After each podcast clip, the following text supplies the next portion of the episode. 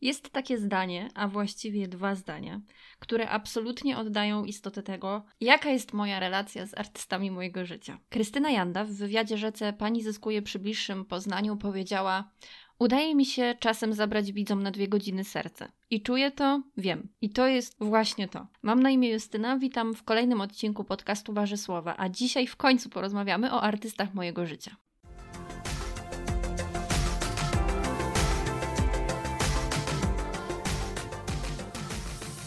Zanim przejdę do tematu, chociaż to też wszystko się łączy właściwie, muszę coś powiedzieć, bo dzisiaj jest 11 października co oznacza, że wczoraj, 10 października, Olga Tokarczuk dostała Literackiego Nobla za 2018 rok. I to jest dla mnie, moi drodzy, wydarzenie niesamowite. Jestem absolutnie dumna, szczęśliwa i wzruszona i nadal trochę nie dowierzam. W ogóle czuję się trochę tak, jakbym to ja tego Nobla dostała. Ja oczywiście y, oglądałam transmisję live, bo, bo pracuję w domu i o tej 13 zaciskałam kciuki tak, że miałam palce białe. Gdzieś podskórnie czułam, że Olga Tokarczuk dostanie tego Nobla. To zasługuje zasługuje na tego Nobla bardziej niż ona. I tak trzymałam te kciuki. Nie wiedziałam, co ten pan mówi, ponieważ chyba zaczął po szwedzku, ale usłyszałam to imię i nazwisko. Usłyszałam Olga Tokarczuk i nie miałam pojęcia, co on mówi, ale już to czułam i zaczęły mi się telepać ręce. Wzruszyłam się, w ogóle łzy mi zaczęły lecieć po twarzy. W ogóle leciały mi następne 15 minut, nie mogłam się uspokoić. Po prostu byłam tak niesamowicie szczęśliwa. To jest tak fantastyczna sprawa i tak wyczekana przeze mnie. Ja już od Bookera po prostu czekałam na to, już wtedy powiedziałam, że czekam na tego Nobla i naprawdę na niego mocno czekałam. Więc niesamowite święto i, i cieszę się, tak bardzo, bardzo się cieszę i tak bardzo gratuluję Oldze Tokarczuk. Słuchajcie, porzućcie te wszystkie polityczne jatki, bo naprawdę warto przeczytać jej książki. Ona jest niesamowitą pisarką i tyle. No, i tym e, bardzo radosnym akcentem zaczęliśmy, a teraz porozmawiamy sobie o artystach mojego życia, co zapowiadałam już nie wiem w ilu odcinkach. Ale chciałam powiedzieć, że dzisiaj nie będzie ani o Michale Bajorze, ani o Krystynie Jadzie, ponieważ, no wiadomo, Michał Bajor jest artystą mojego życia numer jeden, absolutnie. Krystyna Janda jest artystką mojego życia numer jeden, absolutnie. Natomiast y, w związku z tym, y, gdzieś tam w planach y, odległych, bo odległych, ale mam odcinki osobny dla tej dwójki. Nie będzie też o Edycie Górniak, ponieważ o niej już mówiłam dosyć sporo w muzycznej podróży w przeszłość i tam możecie sobie posłuchać. Więc dzisiaj będzie trochę może mniej, e, o, trochę mniej oczywiście, bo, bo wiadomo, pewnie zobaczyliście tytuł i większość z Was pomyślała, aha, znowu Bajor. No, nie. Trochę będziemy go wspominać, ale w zupełnie innych okolicznościach. Zacznę od kogoś dzisiaj, kto jest takim człowiekiem, takim artystą, który bardzo mocno depcze Michałowi Bajorowi po piętach. I ja już to mówiłam w którymś podcaście, wydaje mi się, że w muzycznej e, podróży w przeszłość. To jest jeden z pierwszych odcinków, więc nie wiem, czy polecać. W każdym razie, w każdym razie Janusz Radek to jest po prostu fantastyczny twórca, artysta, po prostu fenomenalny, uwielbiam, kocham naprawdę. Ale to nie tak, że kocham od zawsze i tak dalej, bo no dobra, każdy, znaczy nie każdy z nas, ale pewnie wie, wielu z nas, szczególnie tam w moim wieku i okolicach, oglądało za dzieciaka Pokémony i tam była ta piosenka słynna, czy już wszystkie masz. I, i oczywiście no, prawie każdy to znał, prawie każdy potrafił zaśpiewać i pewnie potrafi do dziś, więc jakieś tam związki z muzyką Janusza Radka, z głosem Janusza Radka mam do dzisiaj, ale to nie był ten moment, który sprawił, że Janusz Radek za zaistniał w mojej świadomości i zaczęłam go słuchać tak szalenie i namiętnie, bo tak naprawdę o tym, że on śpiewa Pokémony, dowiedziałam się znacznie później. Wydaje mi się, że dopiero na studiach, kiedy już był Facebook i kiedy ktoś organizował jakieś wydarzenie w stylu namówmy Janusza Radka, żeby zaśpiewał znowu Pokémony, czy coś takiego. I ja wtedy byłam jak co?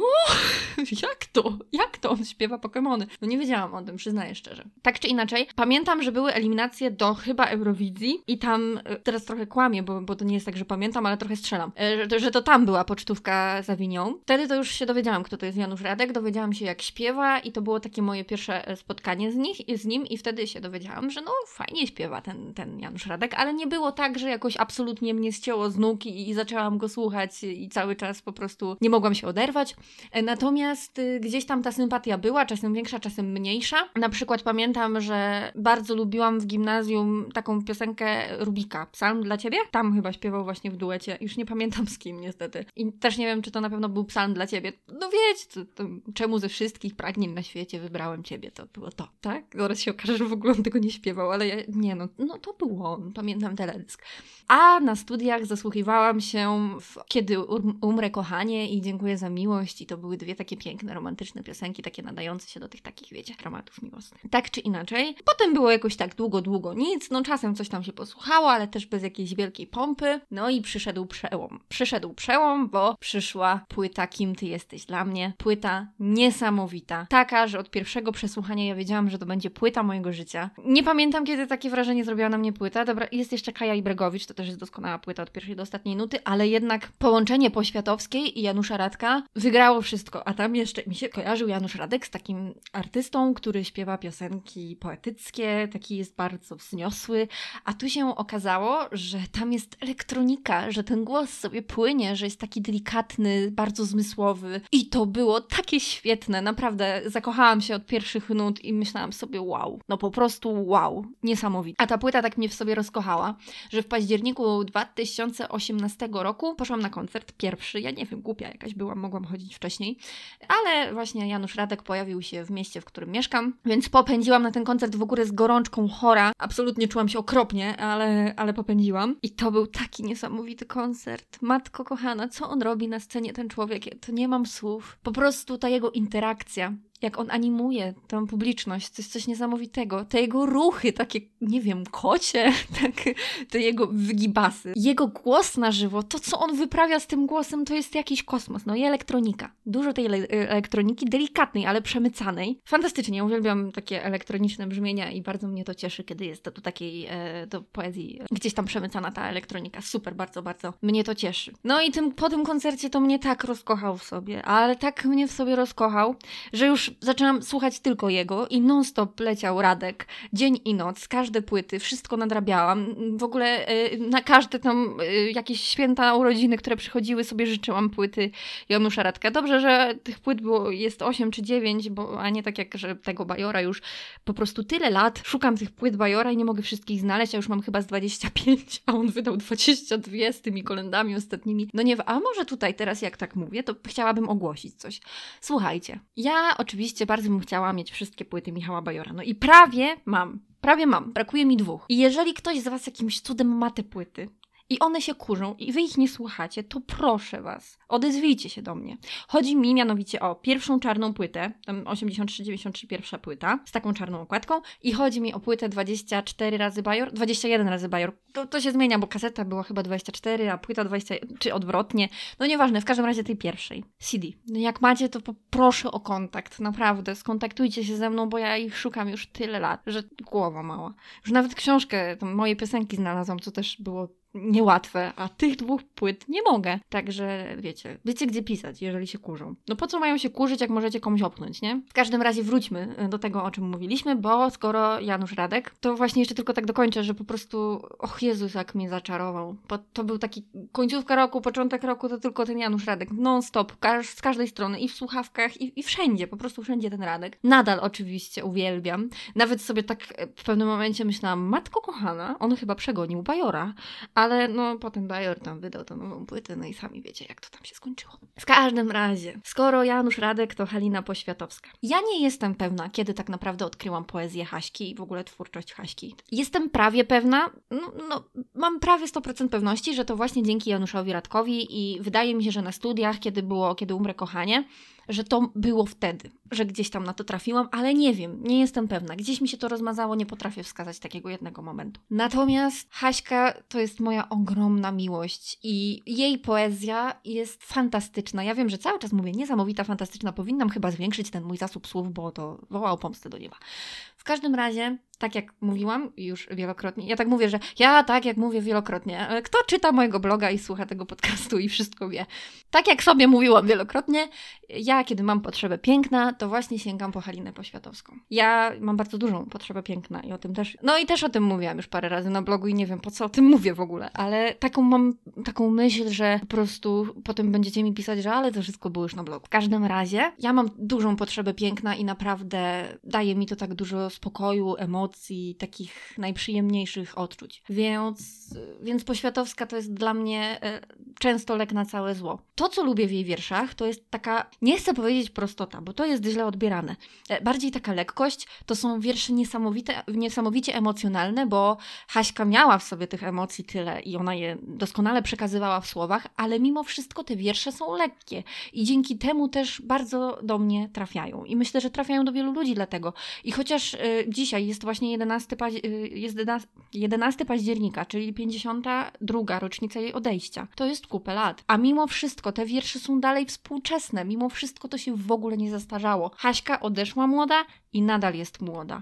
Więc zdecydowanie odeszła zbyt wcześnie, ale to, jak to krótkie życie ją doświadczyło, pozostawiło za nią niesamowitą, nieśmiertelną, bardzo zmysłową twórczość. I dzięki wielkiej Januszowi Radkowi, że ją tak pięknie interpretuje. Jesteśmy już przy poezji, a skoro i poezja, to przecież poeci polskiej piosenki. A otwieramy tę moją wielką czwórkę, którą stanowi Agnieszka Osiecka, Włodzimierz, Włodzimierz, co ja mówię, Wojciech Młynarski, Janusz Kofta. Jeszcze raz, co ja w ogóle katam? W każdym razie, tę wielką czwórkę poetów polskich otwiera dla mnie Agnieszka Osiecka. Bo ta czwórka dla mnie to jest Agnieszka Osiecka, Wojciech Młynarski, Jonasz Kofta i Jeremi Przybora oczywiście. Ja tu już mówiłam o Agnieszce Osieckiej sporo w tym podcaście, ale chciałabym powiedzieć, że Agnieszka Osiecka to jest moja nauczycielka piękna i słów. Agnieszka Osiecka wyczuliła mnie na to, jak to może być wspaniałe, jak ważne jest to, żeby tekst był dobry, żeby piosenka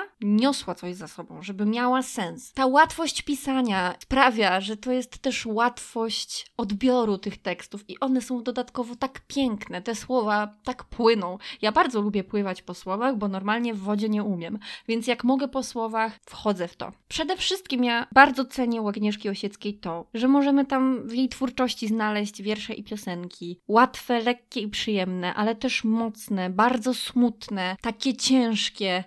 dodatkowo też mamy nie tylko wiersze i piosenki, mamy też książki, mamy prozę i, i listy. Najpiękniejsze na świecie listy. Nawet jeżeli były pisane na lipę, to nieważne. Nie, nie jest ważne. Trochę zaplątałam przy tej Osieckiej, bo jest bardzo późno już i trochę mi się plącze język. W każdym razie Agnieszka Osiecka jest w moim życiu od zawsze i ja ją od zawsze pamiętam. Ja do tej pory pamiętam, że oglądałam ten koncert Zielono mi w 97 roku po tym, jak odeszła. I może sobie wmawiam, że on mi się od zawsze podobał, ale ja wiem, że on był zawsze w moim życiu, ten koncert gdzieś tam. I, i do tej pory oglądam te wykonania i jestem nimi zachwycona. Tam było tyle emocji w tym wszystkim. Wiecie, ja kocham emocje. No i biografia Osieckiej, to jaką było osobą, jak o niej mówią, jak ona o sobie mówiła. Życie pisze najlepsze scenariusze, tak jak już mówiłam, kiedy mówiłam o tym, że, że uwielbiam czytać biografię. Dlatego bardzo się cieszę, że kiedyś tam w moim życiu bardzo dziecięcym, ja nie byłam też dzieckiem, które słuchało, nie wiem, Wagnera i czytało Szekspira, ale była w moim życiu Agnieszka Osiecka i dzięki temu dzisiaj mam taką miłość w sobie do słów i bardzo to cenię i dziękuję bardzo za to.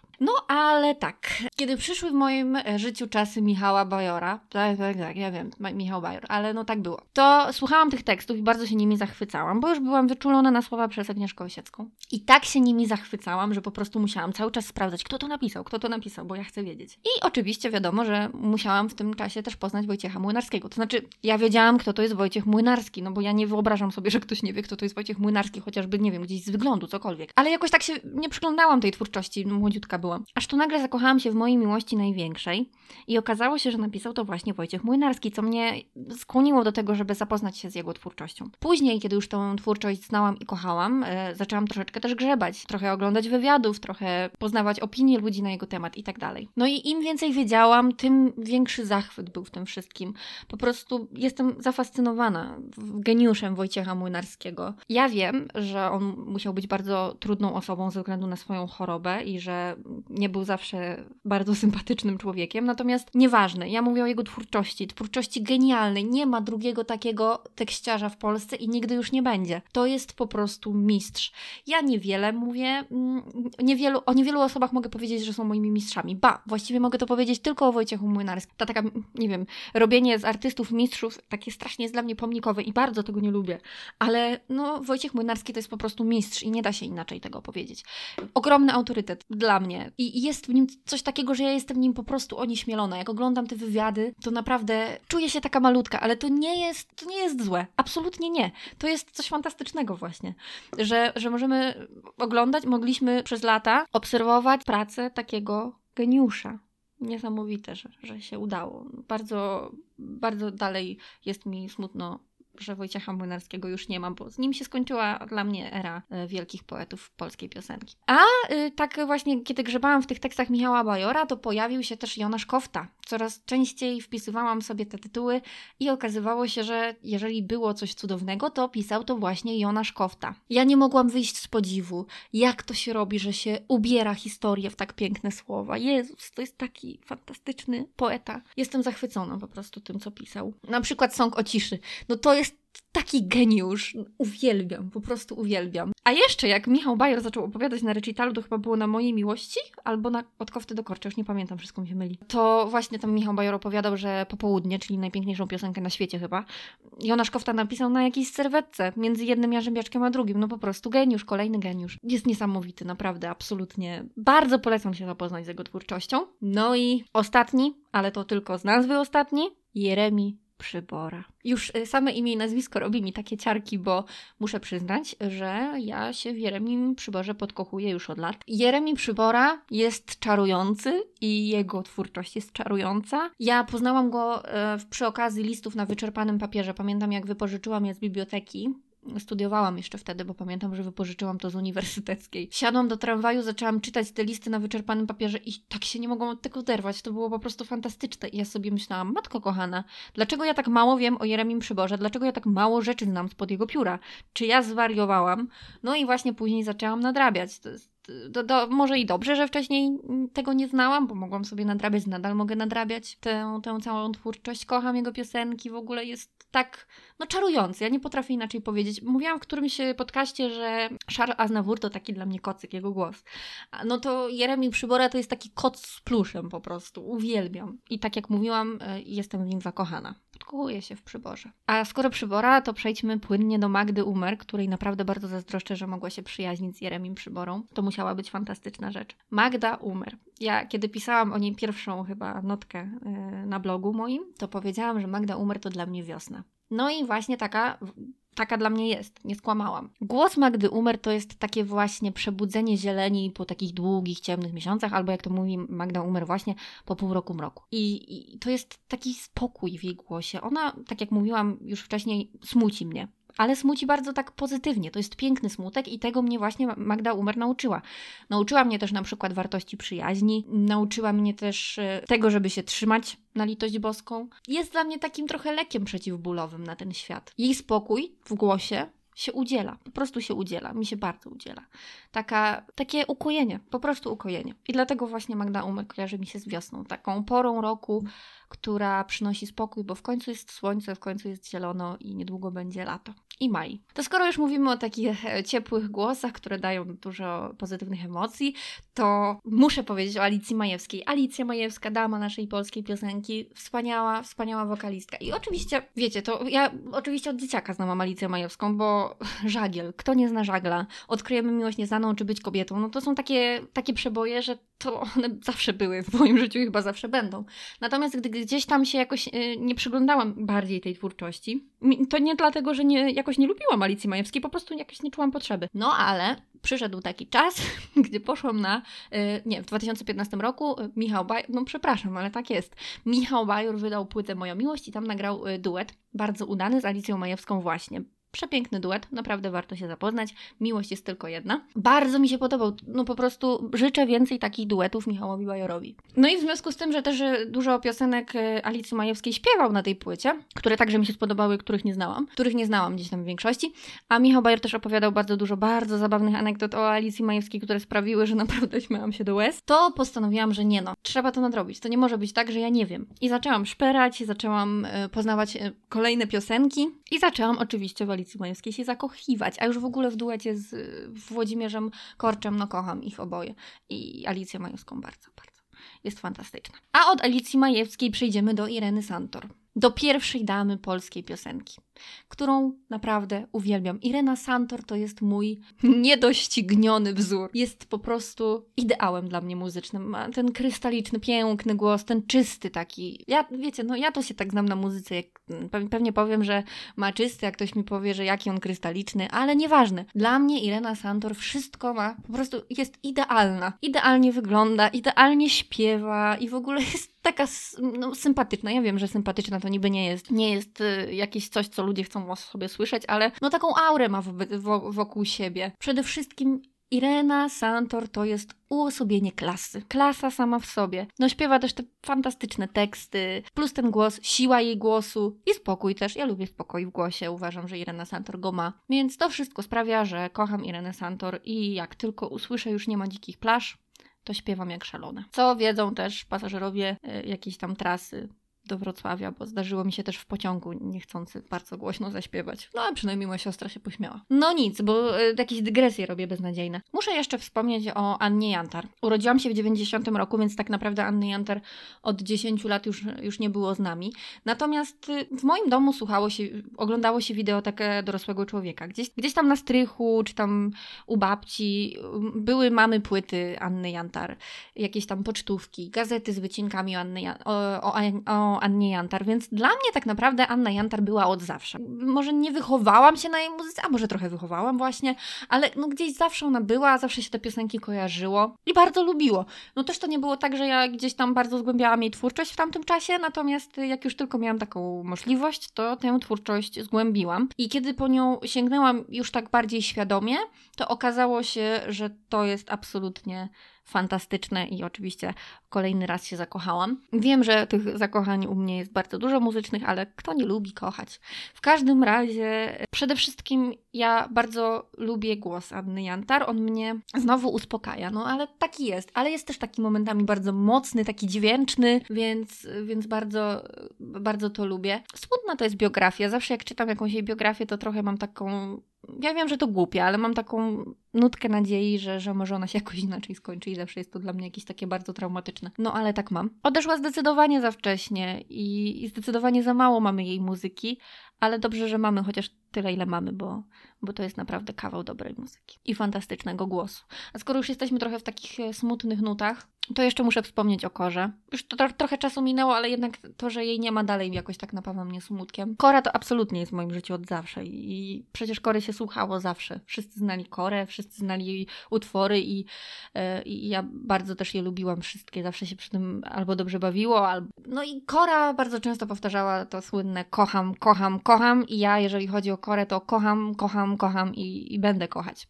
No, Kora to takie słońce bez końca po prostu. Przejdźmy też trochę do zagranicy, bo tak mówię o polskich i mówię, a przecież jest też, też zagranica i taką bardzo ważną dla mnie osobą jest na pewno Audrey Hepburn. Oczywiście, wiadomo, Audrey jest bardzo znana na, jest bardzo znana na całym świecie, jest ikoną, sty, ikoną stylu, te wszystkie plakaty z nią, koszulki i tak dalej, wiadomo. Audrey Hepburn to jest nie tylko dziewczyna z plakatu, była to też świetna aktorka i też po prostu bardzo dobry człowiek. Ja często mówię, że dla mnie Audrey Hepburn jest po prostu uosobieniem dobra. Jeżeli dobro byłoby oso osobą, to byłoby Audrey Hepburn, bo życie jej nie rozpieszczało i często było naprawdę bardzo trudne, ale ona oddawała dawała światu dobro z nawiązką. To, jak żyła, jak działała charytatywnie, jak później pod koniec e, swojego życia oddała się tej pracy charytatywnej i dzieciakom, to było coś niesamowitego. Każdy wywiad z nią to jest niesamowita przyjemność.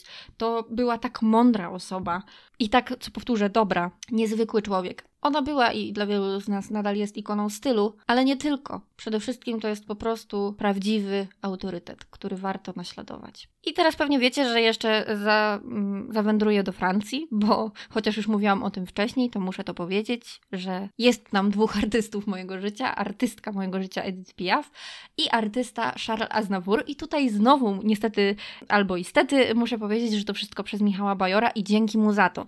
Naprawdę bardzo mu jestem wdzięczna. Mm, oczywiście wiadomo, bo Michał Bajor tam śpiewał, śpiewał i dalej śpiewa piękne przekłady piosenek Aznavoura i dzięki temu poznałam Aznavoura i okazało się, że ma najpiękniejszy głos na świecie i w ogóle najpiękniejsze utwory i jest fantastyczny. I tak jak już mówiłam, jest e, kocykiem. On miał takie cudowne vibrato. Jest mi tak smutno, że, że go nie ma już. No i Edith, Edith Piaf. Niedawno minęła 56. rocznica, śmier rocznica śmierci Edith Piaf. Znowu ogromny kawał czasu. Ale na szczęście o Piaf nie zapominamy, jest wiecznie żywa, jej twórczość nie znika i myślę, że nikomu nie trzeba o niej przypominać. Też bardzo smutna biografia, od samego początku właściwie, od dzieciństwa, bardzo tragiczna. Więc trudno się dziwić, że w jej piosenkach jest tyle takiego smutku i że one są tak mocno emocjonalne, bo jej życie takie było. Słuchajcie, bardzo długo już mówię i, i że nagrywam ten podcast dosyć późno, to wydaje mi się, że będę mówiła jakieś straszliwe głupoty, a naprawdę dosyć późno, bo jeszcze nigdy mi się nie zdarzyło, żebym nagrywała, kończyła nagrywać za 5.12. Zaraz przywitamy, przywitamy nowy, nowy dzień. Oczywiście mogłabym jeszcze tutaj gadać i gadać, ale stwierdziłam, że pogadamy sobie jeszcze kiedyś o e, artystach, e, których kocham e, i którzy zajmują się śpiewem albo ogólnie muzyką. Więc nie będę się już więcej rozgadywać, bo i tak widzę, że nagrałam tyle minut, że masakra, ale też się zawie zawieszałam się trochę przez tą godzinę i gadałam czasami głupoty, więc coś tam do wycięcia będzie. Bardzo Wam dziękuję, że byliście dzisiaj ze mną. A gdybyście chcieli, to walcie do mnie jak w dym i opowiedzcie mi o artystach swojego życia, no bo chyba każdy lubi powiedzieć, kogo kocha, kim się zachwyca i wiecie w ogóle. Więc, Boże, jak ja głupoty już gadam. Dobra, w każdym razie yy, zapraszam Was oczywiście na mój Instagram oraz na Facebook Wasze Słowa. Możecie też pisać komentarze na YouTubie. Jeżeli jesteście na Spotify'u i chcecie mi coś powiedzieć, to możecie przyjść na YouTuba. No i też na moim blogu warzesłowa.pl. To by było na tyle. Najlepiej już będzie jak skończę, bo naprawdę jest już późno. Do usłyszenia.